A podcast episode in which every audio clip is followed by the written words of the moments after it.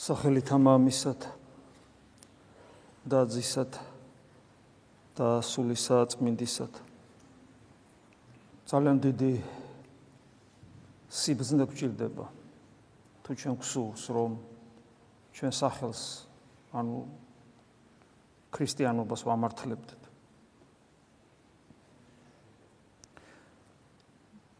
სამწუხაროა რომ ძალიან მნიშვნელოვანი ნაწილი იმ ადამიანებისა, ვის საკუთარ თავს მოიაზრებს ქრისტიანად, ასეთად სინამდვილეში, ასეთი სინამდვილეში არ არის.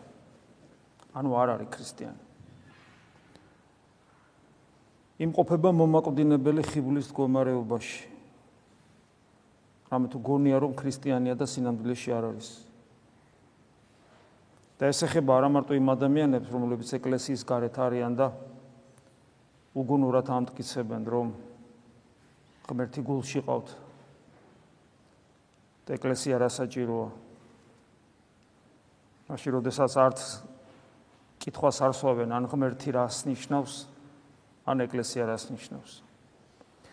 რამე სამწუხარო რეალობაა ის რომ ადამიანები რომლებიც ეკლესიის წიაღში არიან და თითქოს საიდუმლოებების საშუალებით საფრთხო მათ ზეზიარებიან იგივე პრობლემის წინაშე ვდგებით ხშირ შემთხვევაში. ხიბლის ისევ და ისევ ხიბლის გომარეობა, როცა ადამიანი ფიქრობს, რომ იგი ქრისტიანია და არის აქედან გამომდინარე თავდაჯერებული. ჩვენ თუ დავაკვირდებით ის რელიგიები, რომლებიც სამყაროში არსებობს, რომელიც ადამიანური გონების ან რაღაცა გარეშე ძალების მიერ ინსპირირებულია, ეს რელიგიები ყოველი სასამნო სტრუქტურა სტრუქტურა რთული კონდეს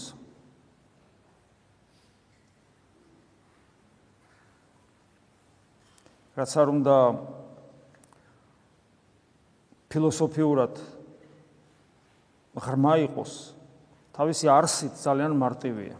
მიუხედავად იმისა რომ სოკრატე ძალიან დიდი მოაზროვნე იყო. სოკრატე რომელზეც თერიმერე პლატონი აღმოცენებული აღმოცენებული და უდიდესი მოაზროვნე იყო სოკრატე თავის სულიერ შვილს თხოვს, რომ ესკულაპეს ესეთი კერპია მამალი შესწიროს. მრავალი მათგანი აქ რაღაც ღრმა აზრს კითხულობს ხოლმე, მაგრამ ფაქტი ფაქტად შეება. მამალი შეწირა კერპს ადამიანმა, რომელიც ერთ-ერთი მამამთავარი არის ბერძნული ძალიან ღრმა და სერიოზული ფილოსოფიური სისტემების. და პლატონი ფაქტურად მისგან წამოვიდა შეიძლება ასე ითქვას. და ეს რელიგიური სიმარტივე რელიგიური სიმარტივე.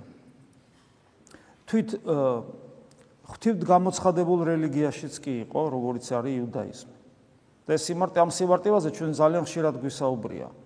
ეს არის იურიდიული ურთიერთობა ღმერთთან როდესაც წეს და კანონს შეასრულებ და საჩუქრდები წეს და კანონს ანუ მცნებებს არ შეასრულებ და დაიჯებ ეს არის ერთგვარი შენს გარეთ შენს გარეთ შენს შენგან გარეთა ურთიერთობა ღმერთთან რომელიც მარტივია, გასაგებია, ლოგიკურია და ადამიანს ძალიან არ ურთულებს რელიგიურ ცხოვრებას.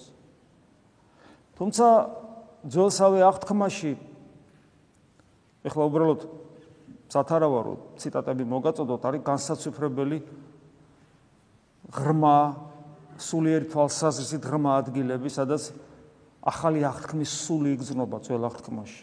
ისე როგორც მაგალითად 10 მცნებაში 10 მცნებიდან 9 ტიპიური ძველი აღთქმის ცნებაა, გარდა ერთისა, არაგული გითქმიდეს. ეს ტიპიურად ახალი ახალი ახალი აღთქმის ცნების მსგავსია, არაგული გითქმიდეს. ანუ კი არ დაუშავებია გულის თქმა, გულის თქმა რო ცოდვა არის და მე პავლე მოციქული ამას იყენებს, რომ მე არ მეწოდინებოდა რომ გულის თქმა ცოდვა რომ არ წერებულიყო. და ასევე არის ძალიან ხშირ შემთხვევაში, როდესაც ისეთი სიღრმე არის სულიერი ცხოვრებისა, რომელიც ჩვენთვის ახალი აღთქმის ადამიანებისათვის ეს არის მასწავლებელი, იგივე დავითის მეფსალ დავით მეფსალმუნე და სხვადასხვა წინასწარმეტყველთან აწერებში. მაგალითად ელია თესბიტელის ლოცვა, როცა ის ევედრება ღმერთს, რომ წვიმა მოვიდეს, ეს არის ისიქასტური პრაქტიკის გარეგნული ფორმის ერთ-ერთი კლასიკა, შეიძლება ასე ითქვას. ანუ ისიქასტური ლოცვის, ანუ სიღრმისეული შინაგანი ცხოვრების, რომელიც ახალ აღთქმაში არსებობს და ის რეალურად ესე დოქტრინალურად ძველ აღთქმაში თითქოს არ არის.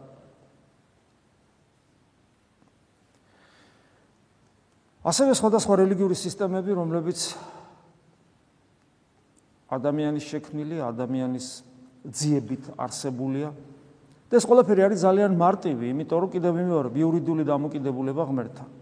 ახლა ამას რატო ვლაპარაკობ? ამას იმიტომ საუბრობ, რომ და ხშირად საუბრობ ამ თემაზე, რომ და ვისაუბრებ მანამ, სანამ ჩემში ვიარ დავინახავ ამას აღმოფხრილს და მithumetes თქვენში, იმიტომ რომ სულ ხედავ მე ამას. წესი კანონი, წესი კანონი, წესი კანონი. ადამიანი შეუძლია მაგალითად წირბაზე იდგეს და იკითხოს ზიარების წინა ლოცვებს. ეს როგორი დონის აბსურდია, იცით? აი, ადამიანი რო დგას და ზიარების წინა ლოცვებს კითხულობს წირვის დროს პარალელურად. აი, როგორი დო რა რა შევადო, აი, იმდენად უგუნურობაა ეს ეკლესიოლოგიური თვალსაზრისით, რომ არც კი ვიცი რას შევადო. აი, მაგალითად ადამიანის დაპატიჟებენ ქორწილში და თავისი პური პური და ჭადი და ყველით რო წავა. და ყველა იქ მოკლედ მოილხენს და ეს ზის და პურს ყოლს და კოკაკოლას დააყოლებს. რაღაცა ეს თავისთვის იქ თავისთვის დაждდება სუფრაზე სულ იქ იქნება მაგრამ ამას აკეთებს. აი ესეც კი არ არის ისეთი ტიპის უგუნურობა როგორც აი ის რასაც ადამიანი როდესაც ზიარების წინა ლოცვებს კითხულობს შუა წირვის დროს. ასე დროს წარმოქმნა არა აქ ადამიანს სადიმყოფება რა ასაკეთებს ზიარება რა არის ევქარისტიული ცხოვრება არის ეკლესია რა არის და ასე შემდეგ და ასე შემდეგ. რატომ ემართება ასეთ ადამიანს ეს? წესი და კანონი აქვს შესასრულებელი სად არის ცოცხალი ღმერთი და არსად არ არის ცოცხალი ღმერთი. ძალიან მრავალ ადამიანში ეს ახლა მე ერთი მაგალითი მოვიყვანე ზიარებ წირვის დროს ზიარების ლოცვების კითხვა, მაგრამ ასეთი მაგალითების მოყვანა უსასრულოდ შეიძლება და მიზეზი რა არის ამისი? მიზეზი ამის არის ის, რომ გაცილებით იოლია აი ეს იურიდიული ქრისტიანობა და კომფორტული მეცას გეტყვით. ვიდრე ის სიღრმისეული ქრისტიანობა, რომელიც ადამიანს პირდაპირ ჯოჯოხეთის კარებამდე, ადამიანი ჯოჯოხეთის კარებამდე მიყავს და საშინლად დისკომფორტს განიცდის და რამინდა ჯოჯოხეთში ადამიანი ტყვის. იძახე რამინდა, შენშია ეს ჯოჯოხეთი და შენი გულის ფიცრაში, ფიცრამდე რო ჩადიხარ, იქ, იქ მიდიხარ ჯოჯოხეთამდე და იქ, იქ არ გეკომფორტება ყოფნა, მაგრამ შინაგანი ცხოვრება სწორედ აქ ამას გაიძულებს და იქითკენ მიყავხარ. რამდენი ბრძოლა ჭირდება უფალს იმისათვის, რომ იმდროინდელ გესმით, აქ მე ვლაპარაკობ. აქ ლაპარაკობენ თქვა სასულიერო პირები, მოძღვრები და წმინდანები ლაპარაკობენ რას თავარია, მაგრამ сахарებაში თავად ქრისტე ღმერთი ლაპარაკობს, ღმერთი ლაპარაკობს და ვერ აგებინებს. მართალი სარწმუნოებით ცხოვრებ ადამიანებს და იმდონეზე ვერ აგებინებს, რომ იძულებულია საშნელი სიტყვები უთხრას ხანდახან გველის ნაშობნო, აი ესე ეუბნება ხანდახან თარისევლებს. მართალი სარწმუნოების მქონე მართალი სარწმუნოებით მაცხოვრებელ ადამიანებს გველის ნაშობნო. ისეთი ის იმდენად ვერ აგებინებს, რომ ეუბნება რომ თქვენ დადიხართ კარდაკარო ადამიანები რომ მოაქციოთო და თქვენს მიერ მოქცეული ადამიანები, თქვენს მიერ მოქცეული ადამიანები ჯოჯოხეთის შვილებად იქცევიან, ჩემი სიტყვებით გეუბნებით, сахарებაშია ეს. ანუ გესმით, ადამიანებს მოაქცევენ და თქვენზე უარესები ხდებიანო მე.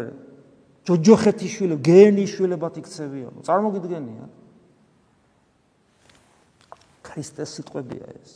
და ეუბნება კიდევ მეორებ იმ ადამიანებს, რომლებიც გამართული, სტანდარტული, წესი და კანონის მიერი რელიგიური ცხოვრები ცხოვრობ ზნეობრივი ცხოვრები ცხოვრობენ ასე. ეს ყველაფერი იმიტომ არის დაწერილი, რომ ეს საშუალება ემუქრება თითოეულ ჩვენგანს, თითოეულ ჩვენგანს. იმიტომ რომ ეს ესეთი ქრისტიანობა არის იოლი. შევასრულე, წავიკითხე, შევჭამე, არ შევჭამე, დავდექი, ასე მოვედი, პირი გავაღე, ვეზიარე, მორჩა. ყველაფერი შესრულებული მაქვს, ყველაფერი. ყველაფერი. ადამიანს როგორ დაველაპარაკო, თავი როგორ დაუქნიო, შენდობის კვირას შემინდე, შემინდე ყველა ერთმანეთ შენდობას თხოვს. ყველაფერს ვასრულებ, მაგრამ ეს არ არის ქრისტიანობა. აი როგორ დღევანდელ მათესახარებაში როგორ როგორ უხსნის, აი როგორ უხსნის ფარისევლებს უფალი, რომ ეუბნება, რომ პირი შემავალი კი არ შეაბშებილწავს კაცს, არამედ პირიდან გამომავალი გამომავალია, პირიდან გამომავალია ის, რაც ბილწავს ადამიანს. თითქოს გასაგებია, მაგრამ მაშინ მოწაფეები მიუახლოვდნენ მას და უთხრეს: "ნახეთ, რა საოცარ ამესეუნებია. უצყია ძველ ქართულად. აი, ამაში ჩანს აი მამები ესე განმარტავენ რომ თითქოს აქ თითქოს ესე არ წერია, მაგრამ აქ ჩანს უკმაყოფილება მოწაფეების, თვით მოციქულების, აქ 12 მოციქულზეა ლაპარაკი. მოწაფეების უკმაყოფილო, უკმაყოფილება უფლის მიმართ. უצყია? აი რა სიტყვაა, ხო? აი ახალ ქართულად ესია. ახალ ქართულად ეს თუ იცი რომ თუ იცი, შეიძლება უფალს ესე დაელაპარაკო. რატო ელაპარაკებიან უფალს ეს? მოწაფეები, მოციქულები იმიტომ რომ ისინიც კი გაღიზიანდნენ იმის გამო რომ უფალი ისეთ რაღაცებს ამბობს გახსოვთ ის რომ იდაყვამდე უნდა დაიბანონ ხელები და ამას არ გააკეთებს და ესე იგი ამით ეს ეს კანონი იყოს ჯული რომელიც არაფერ სერიოზულს არ წარმოადგენდა ამას თავის მიზეზი ქონა საიდან არსებობს ეს კანონი და უფალი პრინციპულად არიცავს ამ წესს და ამ კანონს ეს არ იყო ჰიგიენური ჰიგიენური წესი არ იყო ეს უბრალოდ იყო რაღაც რიტუალი განწმენდის და რომ განწმენდის რიტუალი იყო. უწმიდური ხელებით არ ეჭამათ, ოღონ არა ჰიგიენური თვალსაზრისით. და ასეთი როყიოთი თუ იცი რომ ფარისევლები ამ სიტყვის მოსმენით შეცდნენ. წარმოგიდგენთ როგორ როგორ ბედავენ ხო უფალთან ეს ესეთ ლაპარაკს, იმიტომ რომ მათი რელიგიური გზნობები შეელახა თვით მოციქულების. ხოლო ნახეთ უფალი არ განმარტავს. უფალმა ხო უნდა განუმარტოს წესი. არ განუმარტავს. ნახეთ რა საოცარამეს ეუნება და ეს სიტყვები, რომელსაც ახლა უფალი ამბობს, მე არ ამგონია რომ რომელიმე ჩვენგან ძალიან ესიამონოს, იმიტომ რომ ჩვენ ძალიან ხშირად ასევე არ გვესმის სარწმუნება, როგორც იმ მომენტში მოციქულებს არ ესმოდათ. ამის მაგალითების მეტი რა გვაქვს? აი დღეს ერთ-ერთ არაქართულს უცხოელ ღვთისმეტყველს უსმენდი, რომელიც გაღიზიანებული ლაპარაკობდა გონების მიერ ლოცვაზე. ანუ იესოს ლოცვაზე. გაღიზიანებულზე, გაღიზიანებულ ლაპარაკობდა, რომ როგორი შეიძლება ადამიანი ამაში ხიბში ჩავარდეს და რაღაცებს ლაპარაკობს, ლაპარაკობს დაუსრულებლად. ერთი დადებით ის, კაი, ხიბლი, ხიბლი ყველა მამაუჩენო მარიცის ხიბლი. მამაუჩენოს რომ ამბობ, მამაუჩენო რომელი ხარ ცათაშინა, ეს ხიბლი, ხიბლი არის ის, ასეთმა წარმოთქმულმა მამაუჩენო. მოუმზადებელი გული ზიარება მარიცის ხიბლი, ადამიანი რო წირვაზე დგას და ზიარების წინ ალოცვის კლოცებს კითხულობს არის ის ამან ხიბლი? ყველაფერი ყველა ხიბლი ყველა ანუ ტყუილი ტყუილში ყოველნაირა ყველა ყველა შემთხვევაში შეიძლება ტყუილში აღმოჩნდეს ერთი დადებითი სიტყვა არ უთქვავს. ან კარგი ხიბლი იცის იცის ხიბლი თქვა. ეხლა თქვი რა გავაკეთო რომ ხიბლში არ ჩავარდი? არა. ამიტომ არანაირი პრაქტიკა არ აქვს მას გონების მიერი ლოცვის.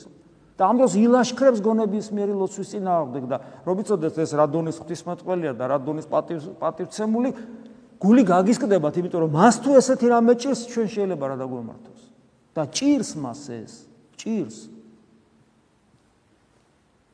დაი უფალი ამიტომ და ეს ეს ეს ეს ერთი ფაქტი რაც მე გითხარით გონების მიერი გონების მიერი ლოცვის სადმი წინააღმდეგობა რასაც ისიქასტური პრაქტიკა ქვია, ეს ხო ყველგან არის, იქ იქ უცხოეთშიც არის და საქართველოსშიც არის და ეს პრობლემა ყველგან დგას.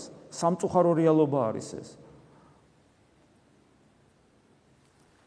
და შესაბამისად, რადგან ჩვენ ყოველას გვემუქრება ეს ფარისეულური სული, ამიტომ ეს სიტყვები, რაც მე წეღან თქვი, რომ არასასიამოვნო მოსასმენი იქნება, აა აი ამ სიტყვებს ახლა წავიკითხავ. უფალი, რომელიც მოციქულებს გაღიზიანებული მივლინ არის, ცირო რა რასაკეთებ შენ ფარისევლები მკტოვებენ და მიდიან.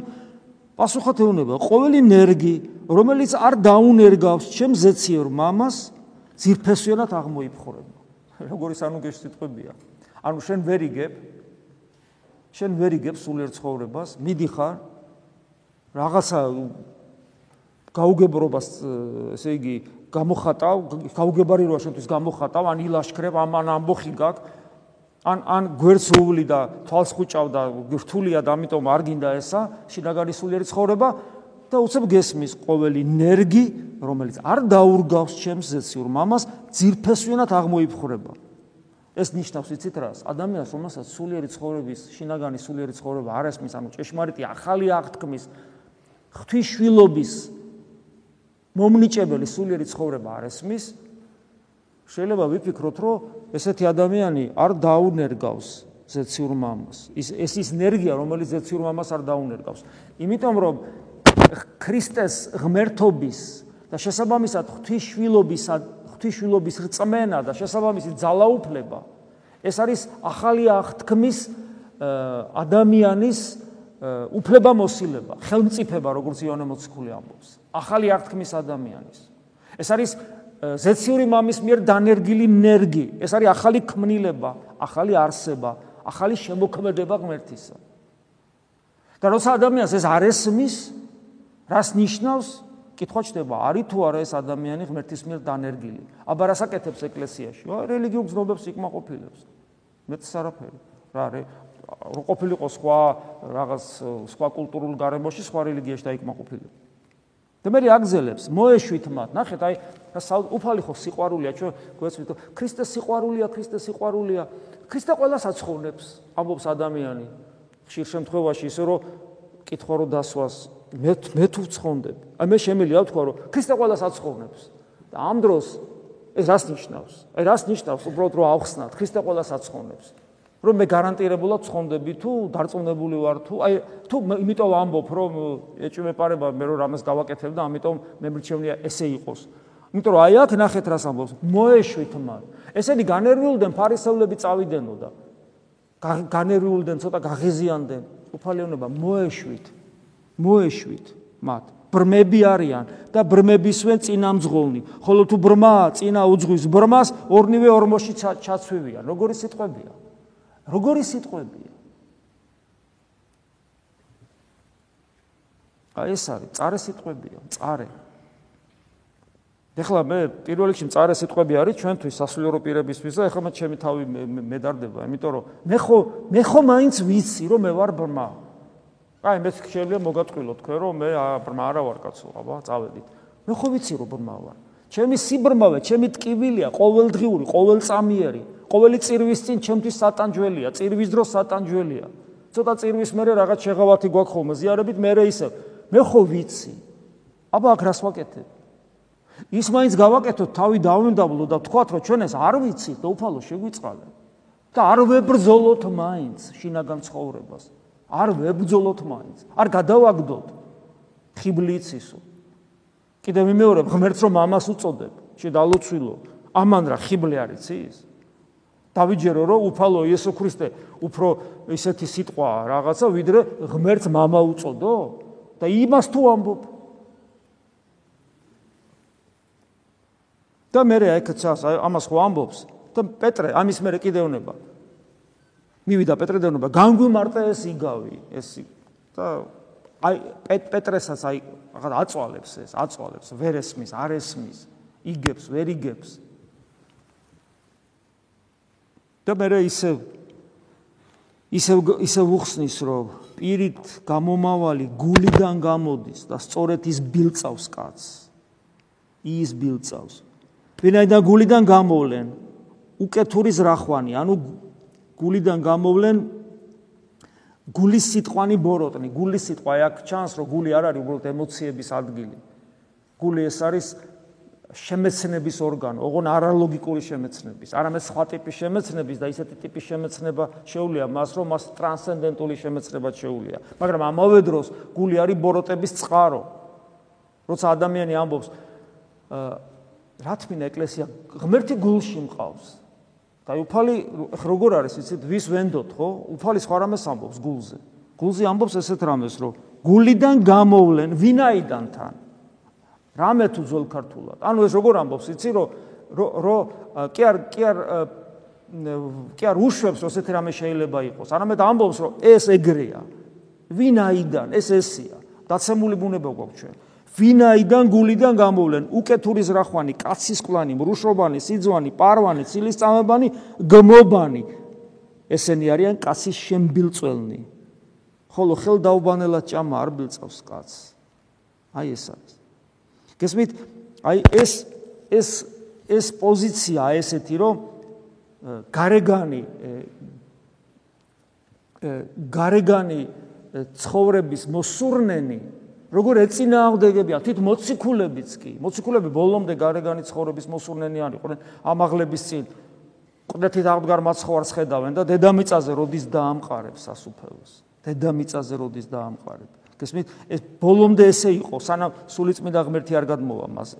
ჩვენზე გარდამოსულია სულიწმინდა ღმერთი, მაგრამ რამდენად ვიწყარებს სულიწმინდა ღმერთი ხო არ ძალადობს ჩვენზე ის ხო ჩვენთან ჩვენთან თანამშრომლობს და რამდენად ვახერხებთ ჩვენ ამ თანამშრომლობას? ვახერხებთ თუ ვერ ვახერხებთ?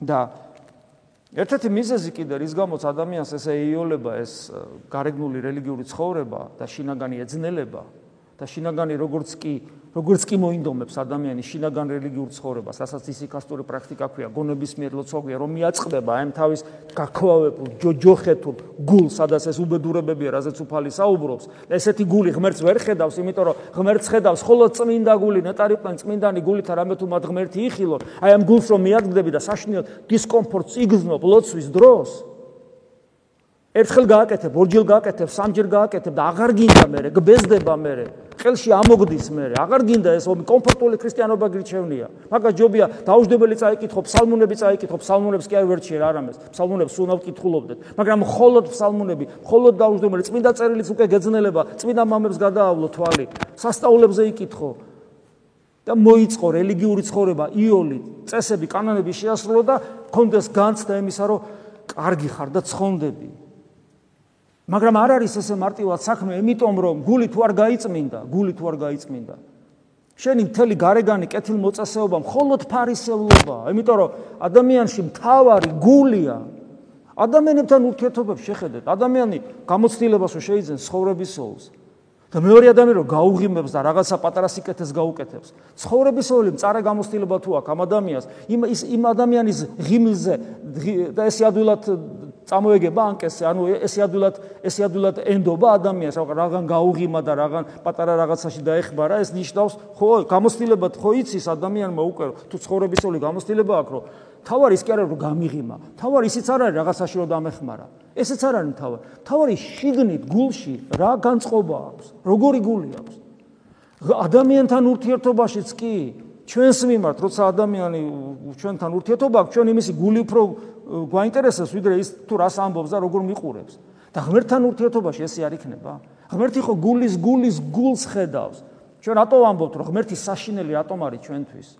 ღმერთი საშინელი იმიტომ კი არ არის, რომ ღონიერია და ამხელა სამყარო შექმნა.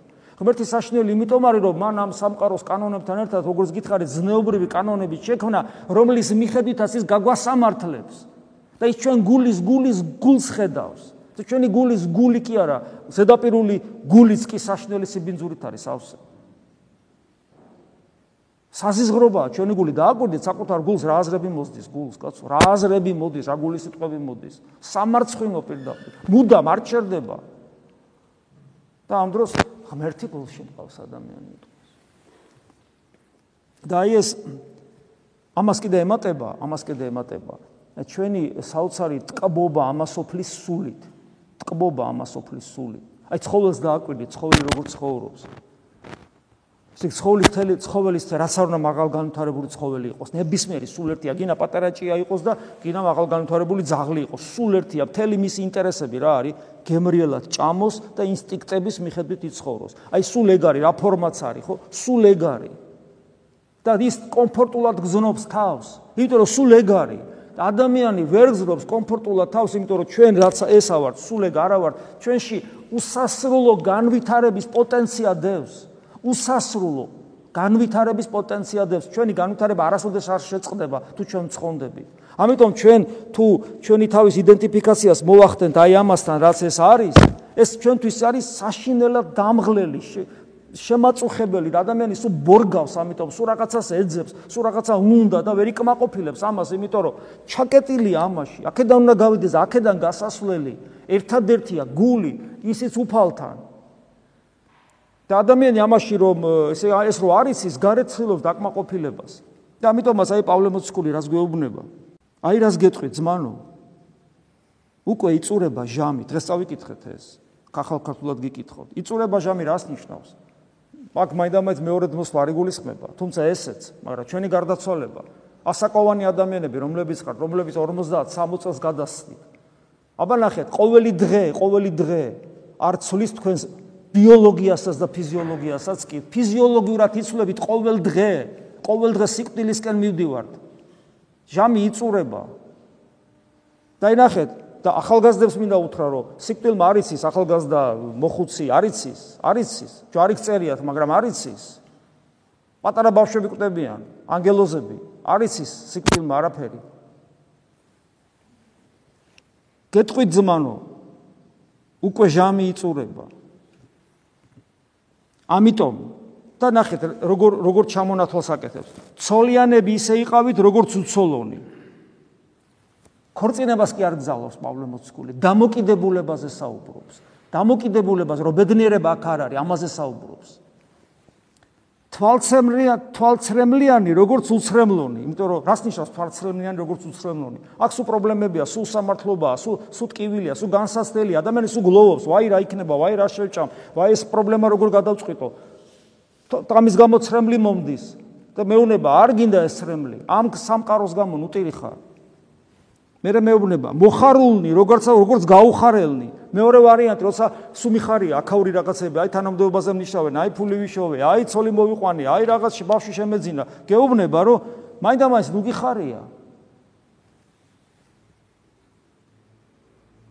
მქონენი, როგორც არა მქონენი, ის მაგ ის მაგ შევიძინე მომხოჭელობა ხო როგორია? თითქოს არ გააქვს, მაგრამ თითქოს არ გააქვს. აი კვილის ჯაგრის რო ვახსენებდი წლების იქი. კვილის ჯაგრის ყოველას გვაქვს. და ყოველას გჭირდება, მაგრამ ჩვენი გული მიწებებული არ არის. გიქონია გინდა რა, იმაზე არც ერთი არ ვფიქრობ. გაგახსენდება დილას აღამბოს, მაგრამ არ ვფიქრობ, გული, გული არაფერს არ უნდა მიეწებოს. ამ ქვეყნით მოსარგებლენი კი, როგორც მოზარალენი, თითქოს ამ ქვეყანას იყენებ რამეში, მაგრამ სინამდვილეში ზარალობ, როცა ამ ქვეყანის ამ ქვეყანას რაც მეტად მოიხმარ, უფრო მეტად და მეტად დაზარალდები, იმიტომ რომ უფრო მეტად და მეტად ჩაეფლობი. ვინაიდან წარმავალია საწუთროს ხატი რა არ ვიცით რომ წარმავალია, მაგრამ პავლე მოციქული დღეს კიდე გვაფხილებს და კიდე გვახსენებს. ასე რომ კიდევ ერთხელ და კიდევ ერთხელ მადლობას უხდით ღმერთს, რომ მოგცა უცნაური რწმენა, რომელიც ძალიან რთულია.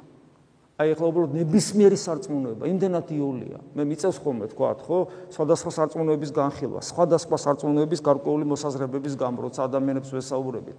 ისეთი კომფორტულია ნებისმიერი სარწმუნოება. და მე მიკვირს ხან მიკვირს ხოლმე როგორ როგორ ხდებიან მართლმადებლური ქვეყნის შვილები სხვა რელიგიის და სექტის წარმომადგენლები. როგორ ხდებიან? და როგორ როგორ არ ედარდებათ მამაპაპის ჯული? და მინიმუმ გამოიკვლია და თუ არ მოგეწონება გადადი აი ეს ზერელეთ ცვლიან ამას. და მაგრამ მეორეს ხო იმდანად მარტივია ეს სარწმუნოებანი. ცხოვრების წესი. ცხოვრების წესი ამ ამა თუ იმ სარწმუნოებაში. დოქტრინალურად აიღე თუნდაც და ცხოვრების წესითაც. იმდენად მარტივია და იმდენად რთულია ქრისტიანობა. ჯერ მარტო ყოვლადწმიდა სამების დოგმატი ნახე. მე ღმერთი ადამიანად მოვიდა. მე შინაგანი ცხოვრება. რა ადამიანს ურჩევნია რომ ინსტინქტურად სხვა რელიგიის წარმომადგენელი გახდეს ან ამ ეკლესიაში თუ დარჩება ეკლესიაში გარეგნულად ქრისტიანი იყოს, მაგრამ შინაგანაც სხვა რელიგიურ რელიგიის წარმომადგენლებს გავდეს. ამიტომაც, როცა ეკლესიაში ჩვენ ხვდები ხვდებით ფანატიზმის ელემენტებს, ფანატიზმი ეს არის ეკლესიაში ქრისტიანობის წიაღში სხვა რელიგიის წარმომადგენელი, ოღონ შენიღბული ქრისტიანობის სახელით. არ დაგვემართოს ეს. არ დაგვემართოს. ვისწავლოთ შინაგანი სულიერი ცხოვრება, ჩაუღმავდეთ საკუთარ თავს ძალიან ძალიან სიღრმეში, არ შეგვეშინდეს საკუთარი ჯოჯოხეთის, იმიტომ რომ თუ აქ შეგვეშინდა საკუთარი ჯოჯოხეთის, რო გარდავიცვლები, წინ დაგვხვდება ის. არსად არ გაგვიშვებს წინ იმის იქი. და მიუხედავად იმისა, რომ ეს ძალიან არაკომფორტულია, ვისწავლოთ გონების მიერი ლოცვა და არ მოვეშვათ, არ მოვეშვათ, ვისწავლოთ. აი ამ ბრძოლაში გავლიოთ წუთისოფელი, იმიტომ რომ ქრისტიანობა არის ომი. და თუ ჩვენ გვაქვს სიხარული და ვალდებულებას არათუ სიხარულის ამ ხიარულებისას როგორც პავლე მოციქული გვასწავლის რომ არადის გვიხაროდეს ეს გვაქვს იმიტომ რომ ამ ბრძოლაში ამ ბრძოლაში მოდის მონაბერი წინა გემოსხილვა იმ დიდი სიцоცხლისა რომელსაც იესო ქრისტე ქვია ეს აქვე აქვე აქვე განისტება და აქვე იგრძნობა მადლი უფლისა ჩვენისა იესო ქრისტესი. და სიყვარული ღვთისა და მამის და ზიარება სული საწმინდისა იყოს თქვენ ყოველთა თანა